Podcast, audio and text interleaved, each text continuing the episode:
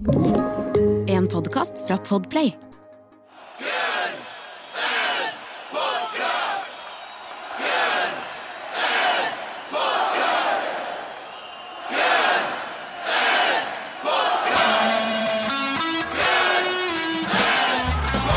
Velkommen skal du være til enda en episode av verdens eneste podkast med to rogalendinger som snakker om Guns N' Roses.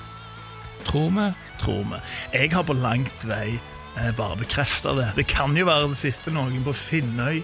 eh, For deg som ikke er fra Rogaland, så det er øy utenfor Rogaland, eller i Rogaland, strengt tatt, utenfor Stavanger, og har en podkast som er jævla forbanna nå, for de var først. I så fall beklager vi. Vi er Guns N' Podcast, jeg er Jørn, Jeg er Eirik. og vi snakker om Guns N' Roses.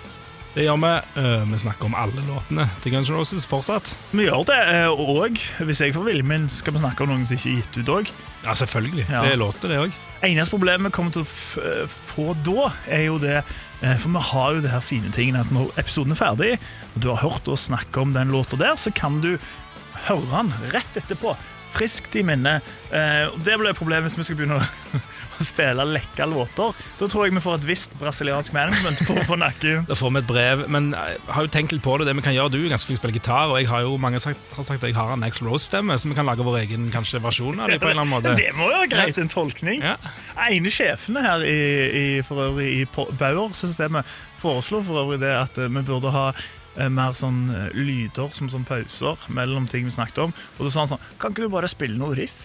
det, Er det derfor du har med deg gitaren i dag? Ja, det er derfor jeg har med deg uh, Så det, det skjer ikke, kan vi si. Spørs vel om det skjer. Ja, det. Men vi har tatt for oss eh, mye forskjellig, og nå skal vi tilbake oss til det som for mange er den absolutte utgivelsen til Guns N' Roses. Chinese Nei, han er å Den gammel. joken Han har begynner å bli du tatt. gammel. Ja, jeg skal Ja. hete, ja, men, ja, det er jo det, det er den det er debut, debutplata, rett og slett. Trodde du du skulle slippe inn unna med den joken? Eh, jeg, det var en grunn til at jeg stoppa meg sjøl. ja. Nei, det er jo selvfølgelig Appetite for Destruction. Det er det, eh, og en låt som jeg tror mange liker. Ja, er Mange liker alle låtene, men det er en Jeg har jo vist at jeg har jo absolutt ingen eh, puls på folket, for jeg tenkte jo i, i mitt stille sinn at uh, My Michelle ikke var en av de folk elska mest. Uh, når vi snakket om den. uh, der tok jeg jo gruelig feil. Du har fått høre det, eller? Ja, ja. Ja. det har jeg. Faktisk har samtlige. Men jeg står ennå for det jeg sier. Jeg, jeg, så ok, jeg syns kanskje jeg var litt hard i karaktergivningen, for jeg hadde glemt ut type You're Crazy og sånne ting. Men jeg syns fremdeles han er langt under It's So Easy og Night Train. Men det viser seg at folk elsker den låta, folk har oppkalt eh, døtrene sine etter den låta, og, og generelt, og det er jo veldig fint. Og det viser jo òg hvor eh, mektig dette bandet er. Det gjør det, men det som skjer nå, det er at vi må justere ned alle karakterene du sier nå, for du tør ikke å si lavere lenger. Så, så, nå, så hvis han sier, hvis han gir Brownstone en åtter i dag, så er det en syver, da. ikke sant? Liksom, så, ja. Fordi nå sa vi hva sang, hadde vi sagt Nå sa jeg hva låta var. Du gjorde det, du avslørte det. Det er Ja, Mr. Brownstone, som Ja. jo òg vet at det er mange som har oppkalt uh, Ikke gjør narr av min sønn Mr. Brownstone Hansen! Ja, det, det, det er en fare. Ja, det er en fare. Klagebrevet kommer. Men ja, vi skal til Mr. Brownstone, som handler om hva Erik Ekki André Eikholt Kalte du meg Erik nå? Eh, en bra start. Er bra start. Eh, ja.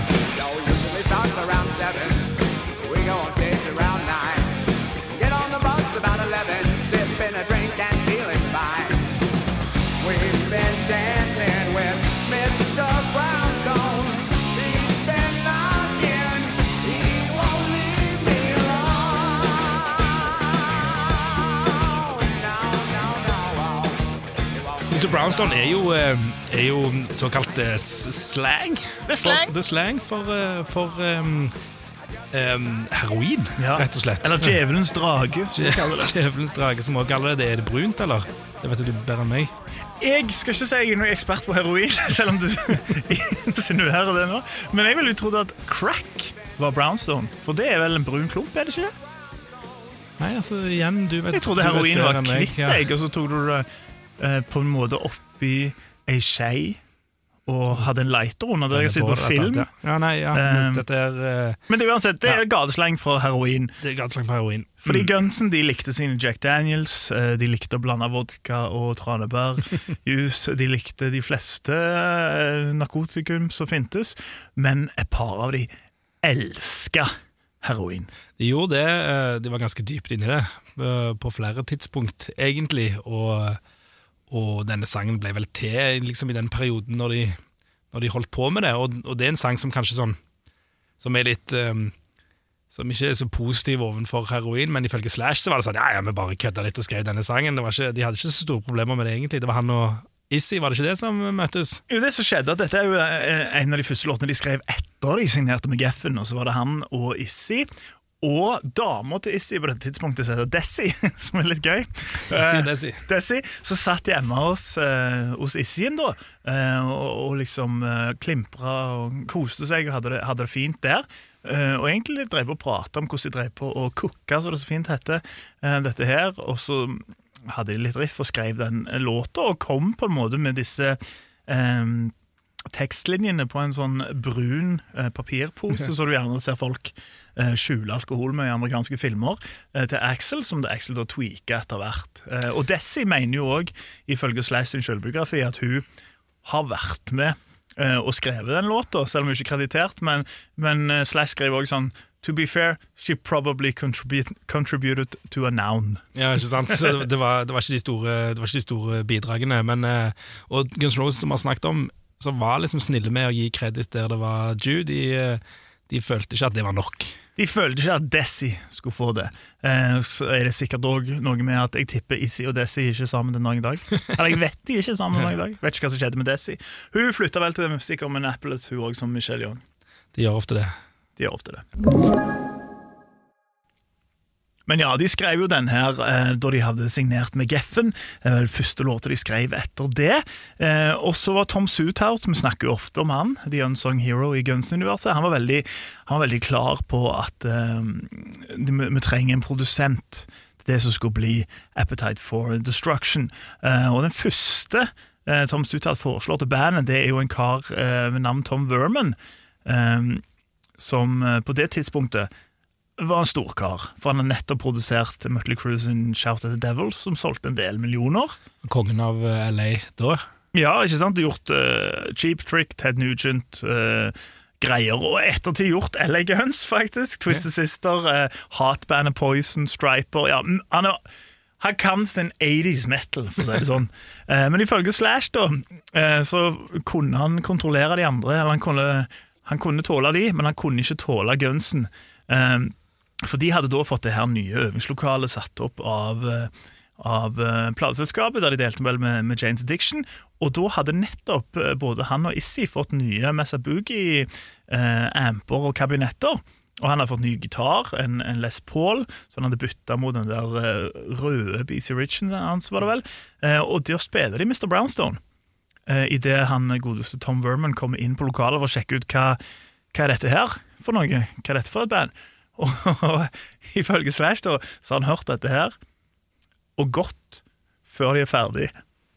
Det var ikke så bra som Poison og Mutley Crew, det er han mente. Ikke, ja. Slash mener jo at de var for heavy, Ja. men eh, for Tom Verman Og du kan jo se også, hvis du ser på den lista hans Det er ikke mye som minner Eller altså, det er jo ting som minner, men det er jo det er glatte greier.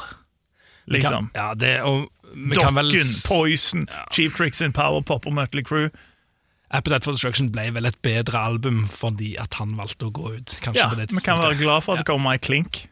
Ja, det, det kan vi eh, Det hadde ikke blitt det samme. Og, og når du sier de bandene der, så skjønner jeg på en måte at han, hvis det var det han var vant med å jobbe med, så skjønner jeg jo kanskje at han gikk òg. Det var ikke helt det samme. Men så er det jo sånn at eh, godeste Brownstone, Mr. Brownstone har jo òg ikke bare vært eh, viktig når de skulle finne en produsent, han har også vært viktig når de skulle finne noen til, Når de hadde spilt inn herligheten, når de skulle, når de skulle mikse Appetite for Destruction, da var det jo òg igjen Mr. Brownstone eh, de tydde til. Ja, og de leita etter rett mikseperson, og, og de leita ganske lenge. Jeg tror plateselskapet var litt frustrert. De hadde folk inne som var aktuelle som takka nei, blant annet en liten kjenning som heter Rick Ruben. Rick Ruben takka vel nei, kommer angra på det i ettertid, som veldig mange av de andre gjorde. Eh, og så på et eller annet punkt så sier jo godeste Al Niven, eh, manageren på det tidspunktet, at han vil prøve seg. eh, og lager en miks som eneste bandet jeg liker, er Issy. Han likte den veldig godt. Han Likte den godt. Eh, Som ikke er overraskende. Um, Men så ender det med at det blir godeste Steve Thompson og Michael Barbiero, så vel, eh, hvis ikke det er mye feil, hadde jobbet med mye sånn eh, dance music og den slags, men de lagde en, ifølge Slash, ballsy mix in your face, og det kan vi vel ingen klage på, fordi Appetite låter jo knall til å ha ut i 1987. Ja, det, det er liksom Det er vanskelig å si noe annet enn at alt klaffer. De har, rett, de har rett folk til alle, til alle områder, virker det som. Jeg kan ikke skjønne at det kan bli liksom så veldig mye bedre. Nei, altså jeg syns det ble bedre på Usual Illusion, men da var det en annen tidsalder. Ja, og, og et annet låtmateriale. Og, og, og Appetite for Destruction traff jo noe helt vanvittig. Ja, ja. ikke Ja, men jeg tenkte sånn soundmessig, Ja, den ja, punchen. jo, men jeg vet ikke om du hadde fått den punchen en gang i 1987. Nei, ikke sant. Det var Eh. mer utstyr i, i spill kanskje i 91. Det vil jeg tro. Og dette med Mr. Brownstone, det går jo igjen i de nærmeste de, de neste årene fra Guns Roses. Ikke bare sangen som de, som de spilte, naturligvis, når de hadde sjans, eh, men, men dette med heroin. Eh, Og, og til slutt så, så ender det liksom i en litt sånn ugrei situasjon, iallfall for noen. Ja, eh, fordi altså liksom Det er ingen tvil om det bandet var glad i heroin, og da var det jo både Det var Slash, Issy og Steven. Det ble jo Steven sin bane. Issy kom seg jo etter hvert eh, clean, og Slash uh, sleit lenge med det. Og det var vel kanskje um, Slash som var hovedmålet for en, en viss rant. Vi har pratet om denne gigen litt før, vet jeg. Det var med eneste gigen de spilte, eller det var, det var vel tre giger, fire giger i Los Angeles, sammen med Rolling Stones. Stemmer det? Um, hvor hvor uh, Axel var litt lei av dette her. Og det er jo litt ironisk at Axel Rose var lei av det noen av de andre gjorde, men han hadde nok noen poenger, fordi at han så at eh, Og han var nok ganske sånn Axel Rose har vært borti heroin, sier han sjøl, men, men har alltid klart å holde seg liksom unna de største problemene. Og han var jo ikke den største festeren av dem by far. Det var han aldri. Det har ikke vært eh, Det, det skal litt til å nå, nå opp til de, Ja. til de andre.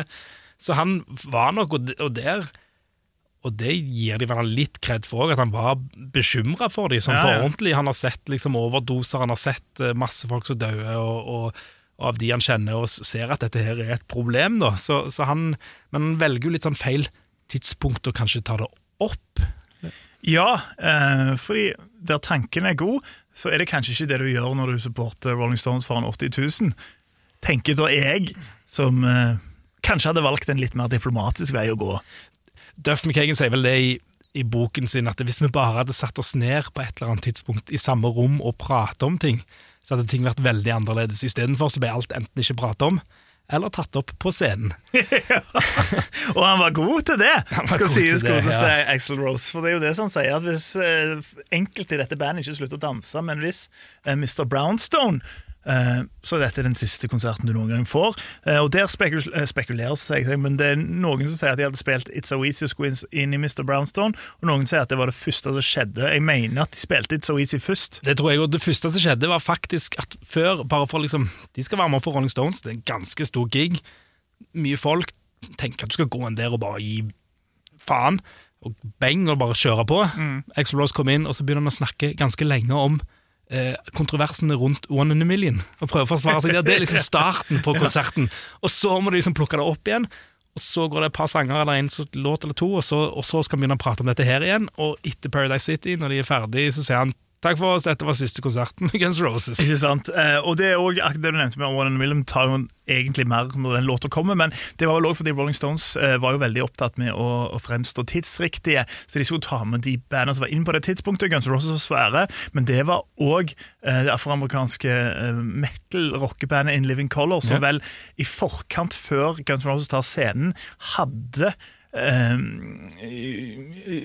omtalt det om for publikum, så han måtte vel på en måte svare der. Ja. Eh, Så du kan si at det var vel ikke Axel eller noen av de andre sin beste dag på jobb. Duff McCain sa at eh, han hadde bare lyst til å, å krype ned i et hull, eh, Ja. og sa at fra, fra den dagen av så var Guns Roses forandra for evig og alltid. Det var en annen dynamikk. Eh, det var, ikke lenger, det var ikke lenger de fem mot resten av verden. Det var en sånn enorm indre stridighet. Mm. Uh, og det var det, Han beskriver jo rett og slett egentlig de årene etter det som et helvete. Helt fram Ja, for, for, eh, for Duff Kagan, McKagan, i hvert fall ifølge han, så er jo Da er det slutt. Da er det, det er liksom, ja, det er liksom begynnelsen, på, ja, Ja. begynnelsen på slutten. Mm. Der, der starter det. Det er jo veldig gøy at eh, etter den konserten, sånn i korridorene på vei til backstage ehm, så, så treffer jo Axel på David Geffen, altså sjefen for, eh, for plateselskapet, og på det tidspunktet sikkert verdens mektigste musikkmann. Og han sier sånn der, great show, og så sier han Axel Rose, lynende forbanna, går forbi sånn It's the last one you ever get, fucker. Hvorfor da Ellen må komme inn bare sånn Ja, jeg skal, jeg skal snakke med han. Han er litt sinna.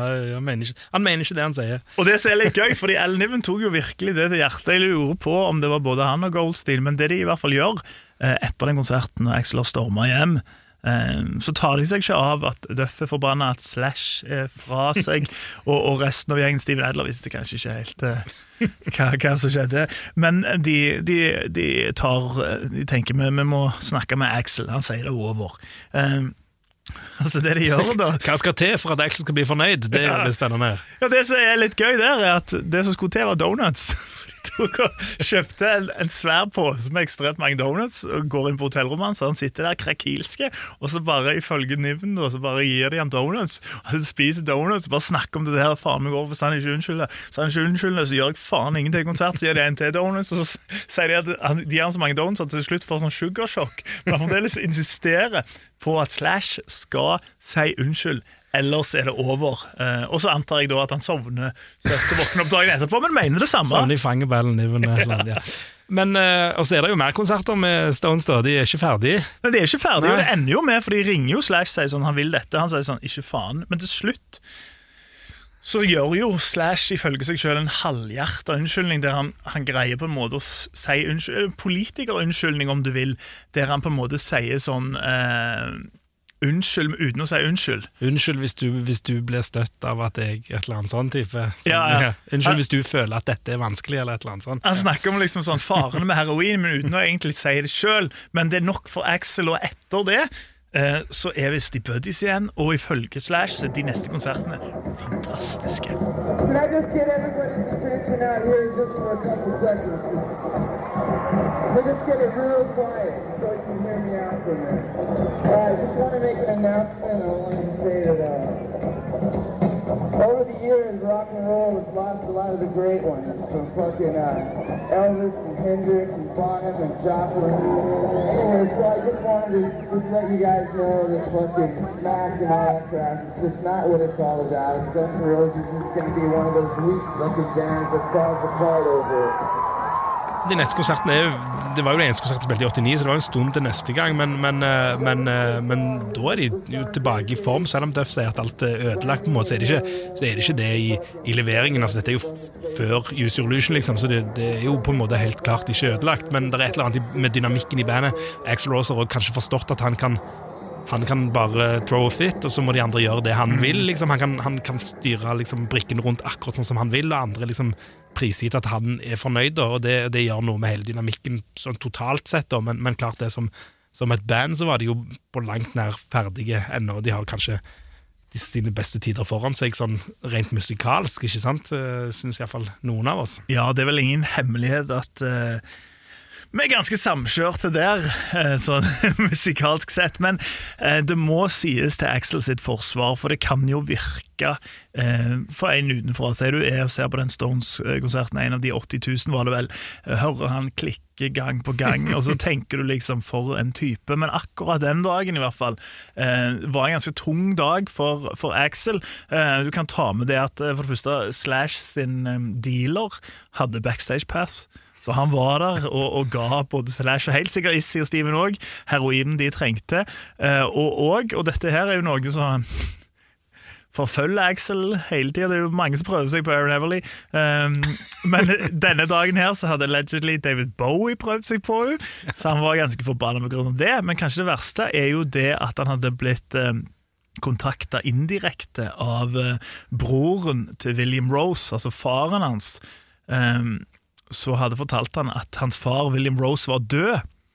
Stemmer det. stemmer det, det var da det. Så du kan jo forstå da at ok, hvis du har alt dette her, og kanskje primært det at din far, selv om de aldri hadde noe forhold, noe godt forhold, så kan du forstå at han kanskje ikke helt var i vater, og at da den dagen der, sier eksempel at Slash og Issy var ganske ute der, da kan du jo forstå at akkurat den dagen så klikker det for Axel.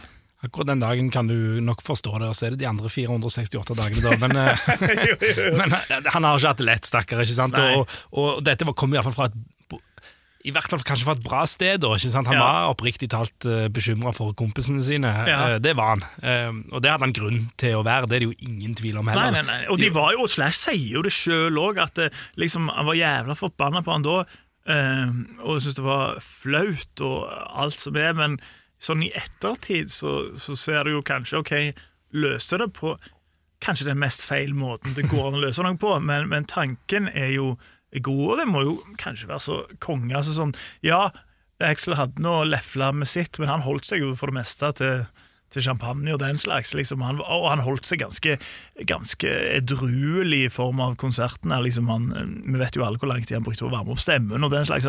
Så han var ganske fokus. Hvis du da ser Slash med x antall Jack Daniels og, og, og heroin, og at de er vekke Det er sikkert ikke så mye liksom, kommunikasjon heller. Så først Nei. står du og sier ifra. Bare måten du gjør det på, litt feil. Ja, Sånn det er det. retrospektiv. Og dette med å snakke om Axl Rose, som, ja, han er sein til konserter, han gjør disse tingene, men det med stemme og de tingene Det sier jo Duff McKagan sier at han er den mest profesjonelle sangeren han har sett i hele sitt liv. Sant? Han, han tar det beinseriøst når han skal gjøre det, og så kommer han ikke nødvendigvis på scenen akkurat når han skal, men, men eh, og det er jo akkurat derfor, fordi han bruker så lang tid på ting. Ja, ja, ja. Så, så, når, så når han så at dette her, og det ble jo kanskje verre etter dette òg, Mm. mm. alt eskalerte på en måte etter dette. Eh, For det var en eller annen Det var noen kjepper i hjulene rett og slett i det bandet der på det tidspunktet, og folk gjorde ikke det de ville. De andre ville at du skulle gjøre det. Ikke sant? Og så skal det òg eh, sies, som har nevnt tidligere, at eh, det, dette skjer jo etter eh, at eh, både Goldstein og Niven har prøvd å få Slash nykter og har bodd hjemme hos han og, og, og all slags, ikke sant? og de har ikke fått det til. Det var vel en, Nå er jeg litt usikker her i farten om dette skjedde etter eller før. Jeg tror kanskje ja, men i hvert fall når, når de drar til Hawaii, vet du, når han skal prøve å få Slash nykter. Det går jo heller ikke. Jeg husker Nei, ikke om det er før eller etter, men i hvert fall, Nei, det var, det var et sto ikke poeng. på forsøket, det sto ikke på forsøket. Nei, det gjorde ikke det. Nei. Eh, Men så er vel kanskje Axel den de lytter mest til. det, Og så er det jo en viss eh, det er vel, Jeg husker ikke hvem som nevner det, men det sånn, det, på dette punktet her så er det penger i bildet. Og, og Axel er jo sånn Han kunne nok helt sikkert bare Han kunne helt sikkert bare sagt sånn Jeg er ferdig. Fuck det her, jeg drar til Indiana eller en eller annen plass. Mens de andre begynner å tenke litt sånn OK, eh, nå ryker disse ganske fine summene vi har fått av Rolling Stones, og alt annet. Og alt annet, ja, ikke minst. Så, så det, det, det, var mange, det var mange interesser som var i spill samtidig. Mange interesser. Og fra dette punktet, som vi har nevnt tidligere, så styrer Axel bandet. Han vet han får det som han vil, hvis han bare er krakilsk nok. han, han gjør det, og det neste, det neste som skjer, er liksom det vi har snakket om litt med den Chicago-innspillingen, alt det greiene der, mm. hvor han ja, vi skal til Chicago, men så kommer han ikke. ikke sant? Altså, da, da har han liksom lagt liksom litt sånn grunnarbeidet for alt annet, og så videre utover, som skal snakke masse om, ikke sant, det er konserter og riots og alt i sammen. Så, så Ja. det, det, var, det var, og det var trøbbel før òg, for all del. Det var ikke her trøbbelet starta, men, men det virker som i er hvert fall på de som var med, at. Ja, ja, absolutt. Det er det. Eh, men uh, igjen, fine historier for oss. Fin historie for oss, og fine låter. Og fine låter. Og som alle andre låter, så, så, så er det gjort liksom litt sånn coverforsøk. Ja, Eh, og vi har jo vært innom eh, det tidligere. Det er ikke alltid folk lykkes når de skal covre Gunsen, jf. Dillinger Escape Plan sin cover My Michelle. Det er ikke alltid det, det har vi hørt bevis på. Um, og nå er ikke jeg verdens største kjenner av bluegrass. Det trodde jeg det var. Jo, altså, jo, men det er folk som er større kjennere enn meg. Ah, okay, det bare det jeg sier. Altså, så Steve kanskje Martin på, på meg over. Ja, Steve Martin, blant annet. Men det er faktisk en ganske grei bluegrass-cover av nettopp Mr. Brownstone. Ja vel. På et album som heter The Bluegrass Tribute to Guns N' Roses. Og det er et band som heter Iron Horse, tydeligvis. Uh, og jeg har nå hørt litt gjennom det, og Ja. Mr. Brownstone står som en ganske sånn litt kul sang. Da kan vi ikke høre litt på den. Du har aldri hørt den? Det, Jeg har aldri Nei. hørt den. Jeg, jeg liker my share of bluegrass. Ingen ekspert som deg, men klart, selv meg, en peasant, kan sette pris på en god bluegrass-versjon av Mr. Brownstone. Få høre litt på det, da. Det var ikke med trommeintroen, hører du.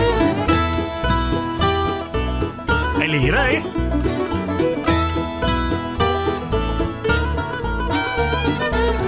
Litt sånn Deliverance-aktig. I get up around seven. I get out of bed around nine. And I don't worry about nothing. Sånn glad, sånn god stemning, ikke det? Det er glad i. Show usually starts around Å, jeg var litt skuffa han ikke sa fucking We go on time. Men ok.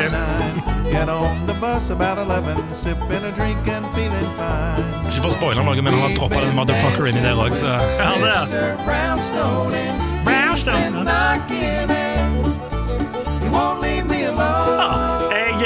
Skal ærlig innrømme jeg kommer til å høre på dette. Ja, ikke sant? Ja. Jeg har hørt på den mer enn én en gang etter jeg fant den. Ja, ja, men du er jo en- en bluegrass-aficionado. Ja, jeg fant den for mange, mange mange år siden. Ja, Ja. ja. Du er vel produsent, medprodusent på Paradox. Ja, men det, må jeg si, det var meget uh, mye mer hyggelig å høre på enn Dillinger Escape Plan sin butchering av meg, Michelle. Det var det. Det var det. Og nå har han vel kommet eh, til det punktet av podkasten podcasten der vi, Eirik Eckholt og Jan Kårstad, skal si hva vi personlig syns om Om den bluegrass. Ja, bluegrass Bluegrass-låta.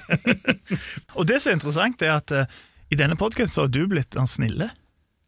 Plutselig så ble jeg det. Ja. Du, du var sånn kjempe, Jeg ga ni av ti til Civil War på et eller annet tidspunkt i begynnelsen der. Ja, det var en.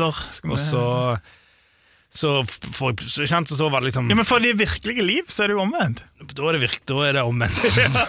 men her Men ok, i dag så skal vi til Mr. Brownstone. Mm. Vi skal gi eh, karakter til den. Jeg syns det er ei eh, strålende låt.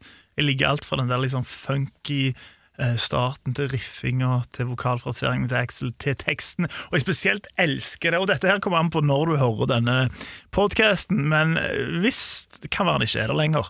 Spørs når du hører den. Men hvis du nå googler Guns Roses Live Saskatoon, Canada og finner det showet fra Dustin Bones-turneen, så finner du en forrykende versjon av Mr. Brownstone. For jeg elsker når Axel legger trykk på uh, fucking time. For jeg føler at han mener det. Det, Og det gjør han i den. Det gjør han i den, og det er en bra konsert. Det der, Satan, det er bra konsert! Guns Roses er litt kjent for å fjerne Skål. For å fjerne For å fjerne eh, YouTube Ja, eh, Fanta. Fanta. De, er- de er kjent for å fjerne konserter fra YouTube. Det er det. Av en eller annen grunn så liker Til og med de hvor de på en måte leverer som faen. Da, Og fremstår så bra. Ja, så, så Og den er bra! Den er jævlig Å, den er så bra. Ja. Eh, og, det, og det er det samme igjen. Ja, slutt, ja, 93, de var ferdige, og bla, bla, bla. Fy faen, den ja, versjonen av Nice Boys der blant annet Ja. er jo helt utrolig. Så gjør deg sjøl en tjeneste og sjekk ut eh, Hvis den ennå er tilgjengelig når Saskatoon episoden. 93. Herregud, for et bra show det Og der òg, når vi snakker om det estetiske, um, det er en av de beste looksa Axel noen gang har. Ja. Synes jeg, Når han har litt skjegg, bandanaen, han har den der svarte Charlie Manson-skjorta, han kjører sin egen merch, men det er greit når det er Excel. Guns N' Roses-shorts. Uh, han ser så satans kul ut. Slash selvfølgelig, sånn funny T-shirt. Også, også som Skin Bones på en måte antyder på alle måter, som vi har snakket om litt før. Så, ja, ja, vi sier Dustin Bones av og til, det gjør jeg jo. Men, eh, men eh, så, så skifter han ikke klær heller. Han har de samme klærne på hele konserten. Spiller November Rain i den shortsen, og det, og det, det er et eller annet kult med det. Han er så bra, hele ja, bandet. Og der er Gilby. Og det som er kult, da Gilby spiller jo eh, på et, et par av låtene der spiller han på Dan Armstrong, Lucite. Den som ble frastjålet.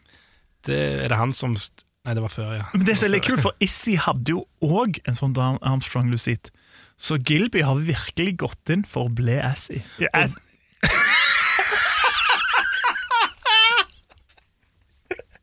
Assy også. Oi, oi, oi. Ja, da sklir det ut der.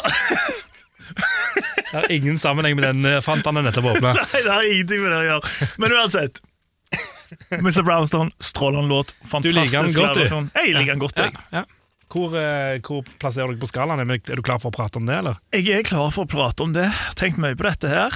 Um, hva, hva jeg skal gi han. Um, for jeg har fremdeles andre låter jeg liker bedre. Eller andre låter jeg syns er viktigere. Meg, Michelle. Nei, men Michelle, Michelle er ikke langt unna, men jeg gikk så ut så hardt der, at, eh, for jeg hadde glemt et par andre såkalte fillers på Appetite. Um, men eh, fra meg så blir det faktisk åtte og en halv av ti. Og inn i helvete! Det var mye. Syns du det? Ja, det var mer enn jeg trodde. Ja, Ja, ja. ja. Mm. Ok, da, da lurer jeg på hva du kommer med. ja jeg blir ikke den snille i dag, for å si det sånn. okay. Dette, Vi har ikke pratet så mye om den live-historien til, til Mr. Brownstone, men det er en av de som blir spilt på hver eneste konsert siden han, Ja. siden han ble gitt ut. eh, alltid som nummer to. Det var en liten periode hvor de spilte hvor de spilte Ja, det er jo It's So Easy og den. Ja, It's So Easy og den, og, og så får vi Welcome to the Jungle og Mr. Brownstone og Night Train og Mr. Brownstone. Så var det en liten sånn Chinese Democracy-periode hvor de spilte Chinese Democracy, Welcome to the Jungle, It's So Easy, Mr. Brownstone. Han er liksom alltid inni der i begynnelsen. Mm. Og jeg blir litt lei av det. Gjør det, altså det, det preger nok litt mitt syn på den sangen, da. Ikke sant? Mm. Eh, som, som Jeg forstår liksom den grooven han tar med seg inn, liksom sang nummer to, trommene starter der og sånt. Det, det, det er noe kult. Jeg skjønner at de har på en måte tenkt på å gjøre det. Og så er det noe med den sleaze-rocken som jeg ikke er så kanskje glad i. Eh, Hva du mener du? ga jo My Michelle 8 av 10. Det er sleaze-rock. Får ikke mer sleaze enn det. Jeg syns Mr. Brownson er litt mer sleazy, altså, men det kommer an på hva du legger i det. da Men Ja. men, eh, ja så, så eh, Nå er det dette For dette, jeg, jeg har, har ikke bestemt meg hva jeg skal gi den ennå, men jeg, jeg, eh, jeg, eh, Jeg går ned til 8 av 10.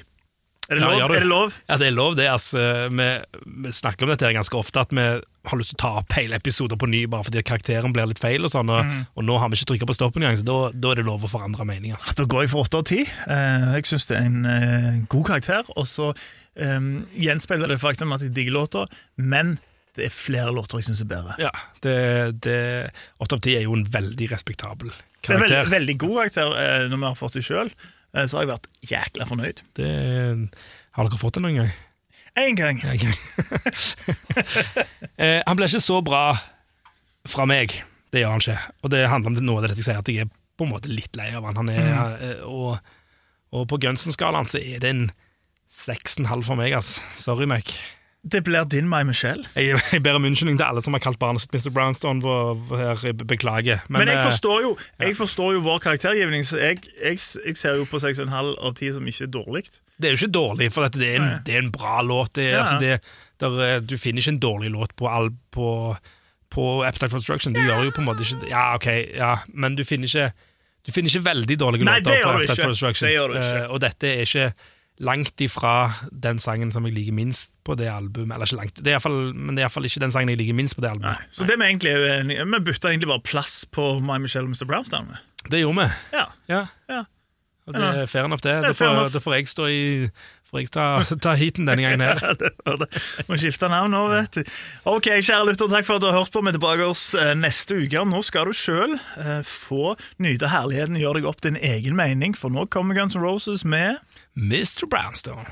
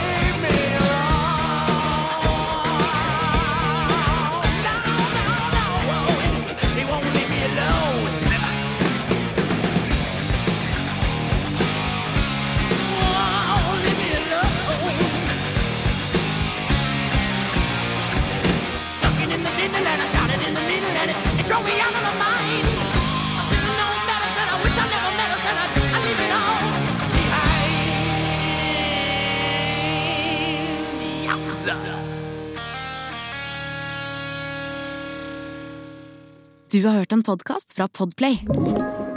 En enklere måte å høre podkast på. Last ned appen Podplay, eller se podplay.no.